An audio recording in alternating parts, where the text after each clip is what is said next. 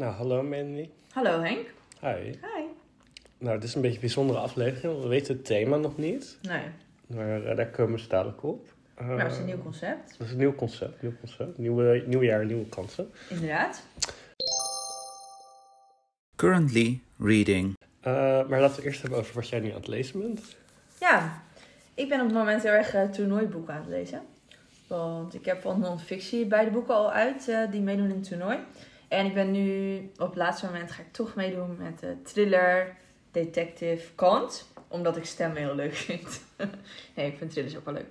Eh, en ik lees nu Billy Summers van Stephen King. Dus dat is een van de deelnemers. Mhm. En ja, het is wel... eh, Spannend. ja, ik weet niet zo goed. Het is, het is niet echt per se heel erg extreem spannend, maar het is meer een beetje zo'n zo'n thriller waarbij het heel langzaam opbouwt. Dus dat je voelt van. Er gaan dingen gebeuren, maar eigenlijk gebeurt er tegelijkertijd eigenlijk nog vrij weinig. Maar onder de oppervlakte gebeurt er gewoon van alles. Er zitten best wel wat overeenkomsten in tussen het andere Stephen King boek wat ik vorig jaar las, waarvan ik altijd de da precieze datum vergeet. 11. Die datum, dat datum Stephen Dat King Kennedy boek. vermoord is, ja. Ja, die ja. Want ook hier is het weer iemand die... Ja, gaat het er weer over iemand die iemand gaat vermoorden. En hij moet ook heel veel wachten in het boek. dus wat dat Oh. betreft zit er... En daar zit ook heel erg een lijn in met... eh, eh, eh, ja, met ehm, kindermishandeling. En dat zit hier ook weer in. Oh, En heftige, gewelddadige gezinnen. Dus er zitten best wat overeenkomsten in, maar er zitten ook wel verschillen in. En het is gewoon wel intrigerend. Het leest op zich wel lekker weg, maar het is wel ook echt weer een heel dik boek, wat ook weer niet super snel gaat of zo. Maar het is wel intrigerend genoeg, zeker om door te blijven lezen. oké. Ik ben benieuwd waar het heen gaat. Mhm. En er zitten heel veel verschillende lijntjes in. Ja? Ja. Ja, want het is iemand die allemaal verschillende identiteiten aanneemt. En er zit ook nog weer een boek in een boek. Oh. Ja. Nou, dat vind je wel wel leuk, denk ja, ik. dat vind ik graag wel leuk. En wat ben jij aan het lezen? Ehm, ik ben eh Endymion aan het lezen van ehm, Dan Simmons. Ehm, dat stond voor, nou niet het eh, toernooi, maar voor de challenge. En ja, ik ben daar ongeveer halverwege mee. Dat is een science fiction boek. En het totaal heet dan de Hyperion eh, Kanto's. Ehm, dus dat zijn vier boeken, allemaal ook 600 pagina's of zo per stuk. Dus eh, hij lijkt wel een beetje op Stephen King qua dikte. Ehm, en eigenlijk gaat het dan over een eh, meisje die eh, moet vluchten voor de autoriteiten. Het is deel 3 van de serie. Ik heb wel deel 1 en 2 eh, vroeger gelezen, dus ik weet nog wel ongeveer hoe dat ging. Alleen ehm, er zit ook wel weer wat terugverwijzing in. Dus ik zit nu ook wel te denken van ja, misschien ik eerder 1 en 2 moeten herlezen en dan Ah, dit. ja. Maar ehm, we gaan wel zien hoe het gaat. Ehm, ik vind wel dat er heel veel toeval in zit. Want dan eh, elke keer dan. eh, zij vlucht dan en dan komt ze ergens aan en daar staat het leger dan te wachten. En dan ontsnapt ze op een of andere manier waarvan ik denk van nou, dit is wel heel eh, convenient hoe Ja. ze ontsnapt. Dus ik ben nog niet helemaal eh, overtuigd. Terwijl ik de eerdere twee boeken wel echt heel goed vond. Dus eh, ik ben En benieuwd. hoe lang geleden heb je die precies gelezen? Eh, toen was ik echt tiener of zo. Oh. Dus, maar ik heb goed geheugen. Dus. Ja. En wat is jouw laatste boek? Ja, ik ben nog twee boeken aan het lezen, want ik ben dus, dat is echt weer even compleet een ander genre. Maar ik ben dit jaar de Grote Vriendelijke 100 aan het lezen. Dus dat zijn 100 kinderboeken die zijn gekozen door een groot publiek. Wat, de wat dan de, niet de beste, maar de meest favoriete kinderboeken zijn. Ehm, en daar ben ik twee voorleesboeken voor aan het lezen. De eerste heet eh, dit, Ik ben Krik en Krik ben ik. En dat is voor kinderen van een jaar of eh 5, 6. Dat is best eh, van Hanna Kraan. Die is ook bekend van eh, De Grote Boze Heks. Ben ik vroeger ook uit voorgelezen, jij niet? Of- Oh ja, die vind ik wel leuk. Ja. Die vind ik nog wel. En deze ken ik helemaal niet, maar die staat dus ook in die lijst. Maar ik vind deze wel leuk, maar ik vind het ook een beetje braaf. Dus het is allemaal heel lieflijk of zo. En in die Grote Boze Heks daar zit ook wel een soort van humor in of zo. Dat is de oud boek. Eh, ja, het is ook al wel redelijk oud, denk ik. Maar ik weet niet precies hoe oud. Dat zullen we even in de, in de show notes eh, zetten. Maar op zich is het wel, wel leuk, denk ik, om in ieder geval om voor te lezen. En de ander heet eh, Met de poppen gooien van Guus Kuijer. En die is denk ik voor kinderen van een jaar of acht. En dat is wel grappig, het contrast. Want die is echt helemaal niet braaf. In het eerste verhaal houdt de hoofdpersoon een eh, kitten vast. Op een bepaalde manier. Dat je denkt van, oké, dat is niet echt handig. En je merkt dat die kitten eigenlijk in paniek is. En er zitten krabben en zo. En dan als er een volwassen bij had gestaan, had hij zeg maar ingegrepen. Maar ik vind het ook wel weer heel grappig, want eh, de auteur laat wel heel erg zien hoe kinderen echt kunnen zijn. Mm. Dat ze ook heel hard tegen elkaar kunnen zijn. Er zit ook heel vaak geen moraal, moraal in. Dus dan eindigt het gewoon op een punt dat je denkt, oké. Maar het is wel een eh, interessant boek. Dat eerste verhaal eindigt trouwens met de zin... Zo, en nu gaan we met de poppen gooien. dus dat zegt iets over. Dat de kinderen in het boek niet braaf zijn. Dus het is wel grappig om ze naast elkaar te lezen. Nou, en nu is het dus eh, tijd voor ons nieuwe concept. Ehm, we zouden het eigenlijk vandaag eerst over de winter hebben, maar de lucht is eh, strak blauw en het ziet er heel erg uit alsof de lente eraan komt. We zouden deze podcast eerst iets eerder opnemen, dus we hadden een nieuw onderwerp eh, nodig. En eh, we hebben iets nieuws bedacht. We hebben een, eh, een potje hier staan, Spreekwoordelijke gabbelton. een spreekwoordelijke grabbelton. En daar hebben we verschillende onderwerpen in gedaan. En er zitten ook wat onderwerpen in die jullie eh, hebben aangeleverd ooit in een topic. Mm, en we gaan nu daarin grabbelen. En het onderwerp wat eruit komt, daar gaan we het over hebben. We hebben straks wel heel eventjes de tijd om, eh, om voor te bereiden. En eh, dan gaan we daarover praten. Dus het is onvermijdelijk wat we hier uittrekken. Dat wordt, dat wordt het. Dat wordt het onderwerp van de podcast. En het lijkt ons leuk. eh, we gaan een eh, topic openen. Als jullie eventueel ook daar onderwerpen in kunnen doen. Dus als we dan nog een keer een podcast hebben dat we denken, waar zullen we het dus over hebben? Dan kunnen we weer grabbelen. Ja. En Henk gaat grabbelen. Hij krijgt de grote eer om dit te doen. Ik wil echt een effect. Daar komt hij. We gaan het hebben over... Boeken over boeken, bibliotheek of eh, andere boekgerelateerde zaken. Oké. Dat gaan we doen. Boeken over boeken. Oké, daar zijn we weer. We hebben hard gestudeerd eh, op onze Goodreads lijst en eh, gezocht naar boeken die bij ons eh, thema passen. Boeken over boeken en boekgerelateerde zaken. Serieus, een van mijn favoriete thema's. Henk zat net al een klein beetje over bepaalde boeken te praten en ik dacht meteen, oké, die wil ik lezen. ik vind dat echt altijd heel interessant. Ehm, Henk, zou jij het ook leuk vinden om te beginnen? Ja, dat is goed. Ehm, ik begin met een van de boeken die ik voor de bonusopdracht van ehm, februari heb gelezen. En dat heet The Library of the Unwritten. Ehm, het is een eerste boek in de serie Hell's Library. Dus het gaat over een bibliotheek in de hel, inderdaad. Heftig. En ehm, ja, eigenlijk is het een eh, fantasy eh, serie. Het leest echt heel makkelijk. En eh, ik vond hem echt goed. Ik heb echt vier sterren gegeven. Het is van A.J. Heckwit. En ehm, eigenlijk gaat het dan over de Librarian of Hell. Ehm, en die eh, moet op zoek naar een eh gevaarlijk boek, de Duivelse Bijbel. Want eh, die kan gebruikt worden in de strijd tussen de hemel en de hel. Nou, het klinkt misschien een beetje vaag, maar het is echt heel eh, veel humor eigenlijk in. Het is ook heel vlot geschreven. Je blijft door afvragen hoe zit die wereld nou in elkaar, de afterlife. En ze gaan ook naar Walhalla toe, dus het is niet alleen maar christelijk, maar het is ook breder. En eh, ja, het is gewoon eh, veel spanning en eh, het leest echt als een trein. Dus ik vond het echt een leuke ontdekking ook van de FNL Challenge om dat boek te lezen. Ik had het eigenlijk niet op mijn radar staan, maar ehm, Hoe vond je het dan? ja, nee, ik vond het zeker. ehm, kijk, het gaat dus ook over de bibliotheek. En de bibliotheek die komt ook soms tot leven. En het is ook dat ze actief moeten zijn als bibliothecaris om te zorgen dat verhalen niet gaan zwerven. Of dat ze naar de, ehm, naar de werkelijke wereld eh, toe komen. Ehm, Ja, het gaat over eh, boeken die eh, niet af zijn of zo. Ja, het gaat over. Nou, kijk, in de hel zit dus de bibliotheek van de Unwritten. Dus dat zijn dus de ongeschreven boeken. En die kunnen naar auteurs toe als zij dan leven. Uh, maar voordat ze dus uh, geschreven worden, dan zijn ze daar. En soms als de auteur al overleden is, dan staan ze daar nog steeds als Oh. nou ja, gemist potentieel. Maar, uh, dus dat is sowieso een heel fantasierijk concept. Dus dat is wel echt... ik, ik vond het heel leuk om te lezen. En ehm, het is, ja, het is geen zwaar boek of zo, maar het is gewoon echt wel uh, leuk geschreven. Ja. Gewoon lekker voor tussendoor. Maar ik bedoelde eigenlijk bij hoe vond je het, bedoelde ik ook hoe is het op je radar gekomen? Die vraag was multi-interpretabel. Ja, dat is niet duidelijk. Nee.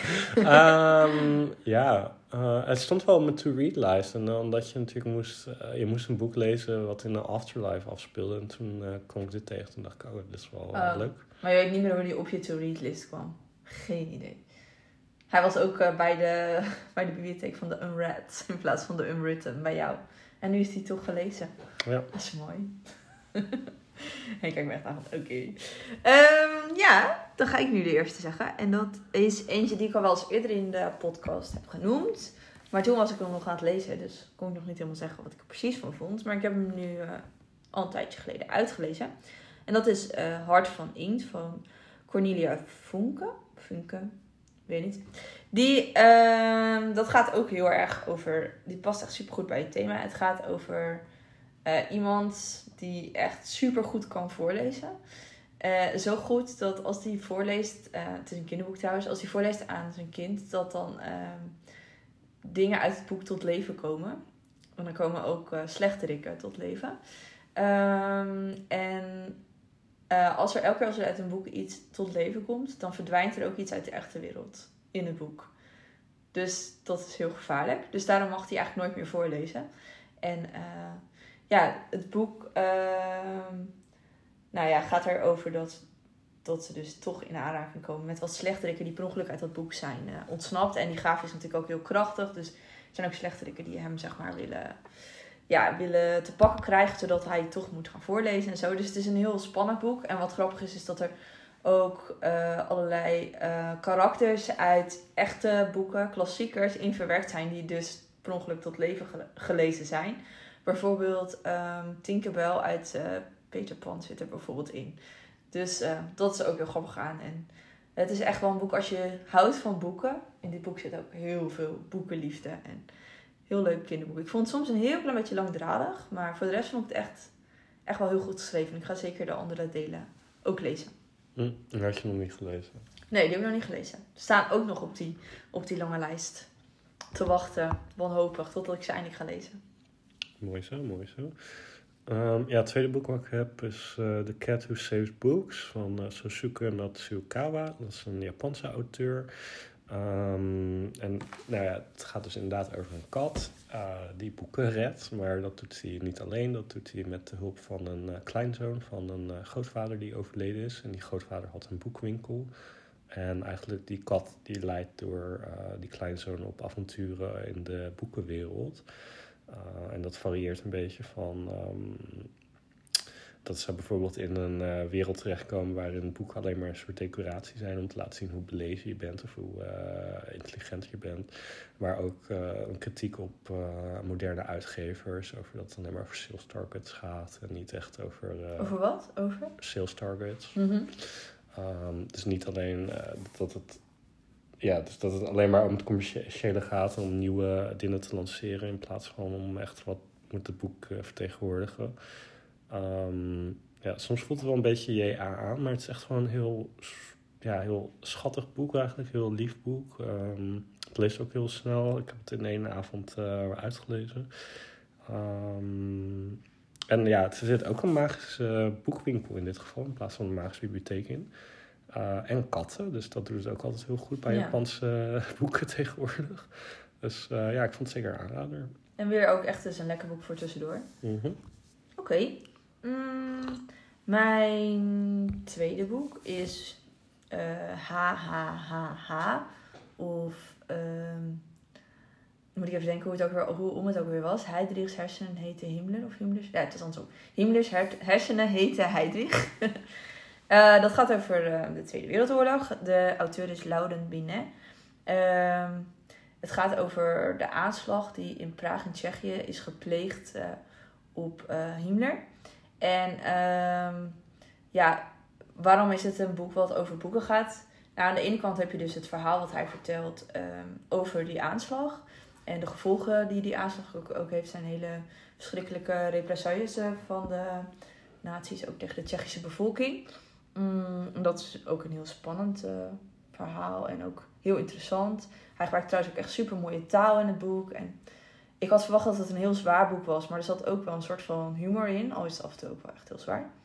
Maar wat hij ook doet, naast dat verhaal gewoon vertellen, is dat hij tegelijkertijd als auteur reflecteert op het boek wat hij op dat moment aan het schrijven is. Dus het kan dat er dus, dus een scène in zit en dat daar bijvoorbeeld een auto in voorkomt van. Uh, dat er een auto in voorkomt van een van de hoofdpersonen. Mhm. En die auto heeft dan ook echt bestaan.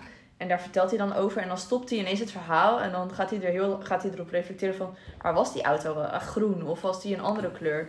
Dus hij uh, geeft tegelijkertijd ook uh, kritiek. Of hij laat je stilstaan bij um, het, het genre... Ja, en dan vooral het genre historische fictie. Omdat je probeert om een oud verhaal tot leven te wekken. Maar je kan het natuurlijk nooit meer... Je kan ook weer nooit helemaal de werkelijkheid uh, weer opnieuw genereren. Dus dat is er heel, ook heel interessant aan. En um, ik moet zeggen, ja, de, we zijn nu natuurlijk nu net ook in de tijd van... eh, eh, waarin Oekraïne en Rusland heel erg speelt, hè.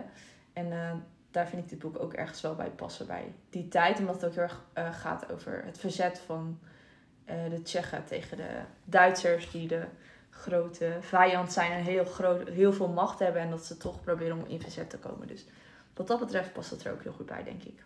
Bij deze tijd. Oké, een eh, heftig boek, zo te horen. Maar ook wel... eh, ja, je, je hebt het ook aan mij cadeau gegeven, dus ik moet nog steeds lezen. Dus ik ben benieuwd. Dat is stiekem een oproep aan jou, Henk, om het eindelijk te gaan lezen. subtiel, subtiel.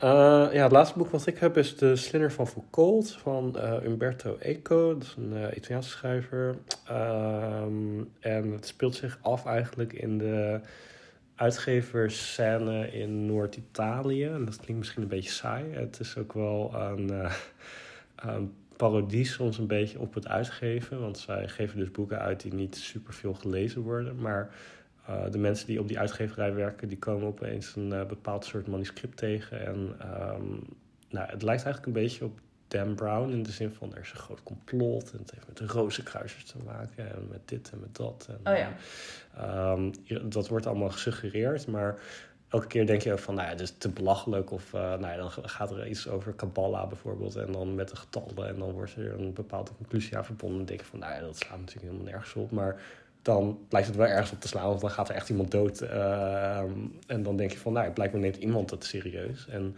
die karakters die bevinden zich ook door in die flux tussen van, ja, wat is nou echt en wat is nou uh, fictie. En nou, daartussendoor moeten ze dan ook nog een uh, boek uitgeven en zorgen dat de business doorgaat.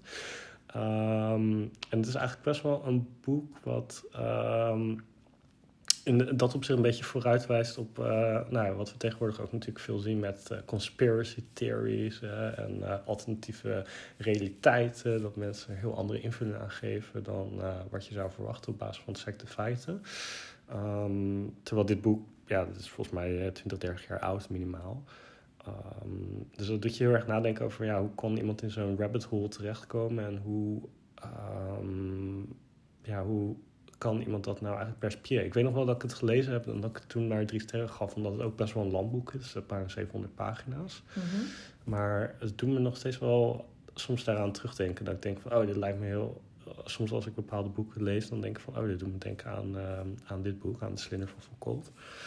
Um, en ja, het gaat er dus om van, ja, wat voor manuscript is nou echt en um, wat heeft fictie nou voor invloed op het echte leven of niet. Um, dus ja, het is ook wel een beetje filosofisch werk. Um, het leest wel heel makkelijk weg. Het uh, leest niet zo makkelijk weg als Dan Brown, maar uh, het heeft wel een beetje soms die energie. Het wordt ook steeds. Uh, het tempo en de stakes die worden ook steeds hoger naar het einde van het boek toe. Want ja, er gaan steeds meer mensen dood. En er wordt echt achter die mensen aangezeten. Dus het heeft ook wel wat spannends. Oké, nou, ik ben echt serieus echt heel nieuwsgierig. En ook interessant wat je zegt, inderdaad. Soms heb je een boek wat je maar drie sterren geeft. En dan, daar denk je nog heel vaak aan terug. Ja. En een boek uh, van vijf sterren kan, kan je dan echt jaren later weer denken van... Oh, waar ging dat ook weer over? Dus dat is uh, altijd interessant, vind ik. Dat het aantal sterren niet altijd zegt van wat, wat de impact op een boek uiteindelijk op je, op je heeft. Op je heeft, ja. ja. Oké, okay, nou mijn laatste is een boek wat ik eigenlijk al, ook al heel lang heb gelezen, geleden heb gelezen. het is Villa aan de rand van de tijd van ja, Goran Petrovic, dat is een Servische schrijver. Uh, het is een boek wat, en een auteur die ik helemaal niet kende, maar wat ik ooit zag liggen in de bibliotheek. En op een of andere manier ja, zag ik de cover en dacht ik gewoon van oké, wat is dit? En uh, ik ging het lezen en het was echt een hele positieve verrassing.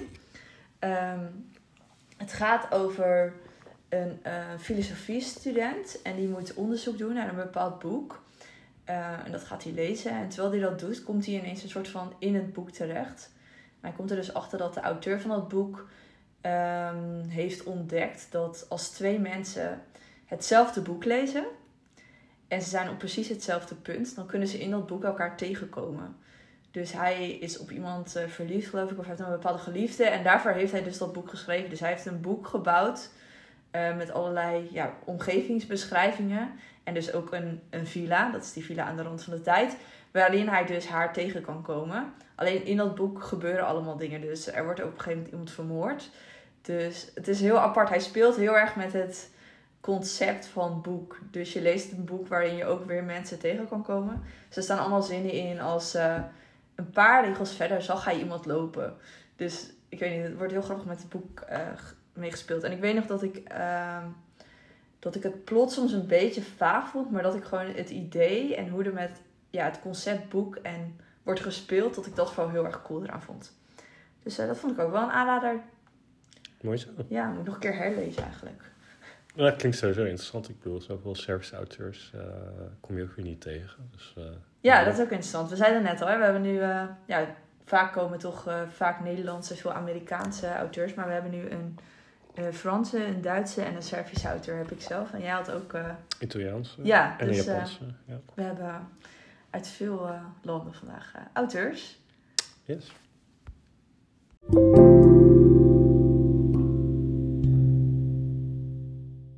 Een grote groepsupdate. Yes, de maandboeken.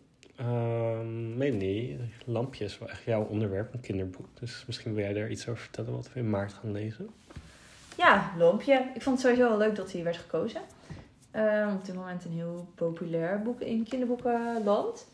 Eh, ik zag wel in de reacties eronder dat hij heel verschillend was beleefd door mensen die hem hadden gelezen. Ik zou denk sowieso als tip al willen geven voordat je begint. Vaak als je dan zo'n boek hebt wat heel veel prijzen heeft gewonnen, dan begin je soms echt met torenhoge verwachtingen. Maar ik zou gewoon zeggen, begin gewoon met gemiddelde verwachtingen. Tenminste, dat, ik, ik weet nog dat ik dat tenminste bij dit boek heel erg had. Dat ik begon te lezen en echt dacht, wow. Het moet heel goed Ja, snap je? En dat is eh, vaak niet heel goed, niet altijd heel goed voor je leeservaring. Maar het is een, eh, een sprookje. Zijn. Wie heeft het heel geschreven? door Annette Schaap. Die eerst heel lang kinderboeken illustrator was. En nooit echt durfde te schrijven. Terwijl ze die wens wel heel erg had. En eh, die dat uiteindelijk toch is eh, gaan doen. Het is een, eh, gebaseerd op een sprookje van Hans Christian Andersen. Maar ze heeft helemaal haar eigen draai aan gegeven. Het is heel sferisch. Dus er wordt heel erg... Ja, je ziet het heel erg voor je. En ehm, ja, en, en het is een kinderboek. Ook wel mooie taal. En ik ben heel benieuwd wat mensen ervan gaan vinden. Oh, ik wist niet dat het op ehm, iets van anders was. Ja, het dat is echt interessant. op- ik ga niet zeggen op welk boek, want dat is een hele grote spoiler. Maar eh, op welk sprookje. Maar het is inderdaad op een sprookje gebaseerd. Mm. Jij weet nu waarschijnlijk wel welk sprookje. Ja. Ja. Oké, helder, helder. Ja, en ik heb hem ook gelezen al, dus eh, ik ben benieuwd wat mensen ervan vinden. En ehm, ja, het is ook eh, heel erg eh, vertaald naar andere talen toe, ook in het Engels. Dus, eh, ja, daar ook een heel succes. groot succes. Ja. Voor het eerst in Engeland genomineerd daarvoor ook een hele grote kinderboekenprijs. Waar eigenlijk nooit buitenlandse auteurs voor worden genomineerd. Het, is ook, net, ja, het is echt naar heel veel verschillende talen inderdaad vertaald. En ik heb toevallig ook trouwens pas haar tweede boek gelezen. De Meisjes. Ook weer allemaal sprookjes. Die vond ik misschien stiekem zelfs nog beter dan Lampje. Maar dat vond ik zeker ook een aanrader. We kunnen ook nog een keer een thema over sprookjes doen. Maar goed, dat even terzijde.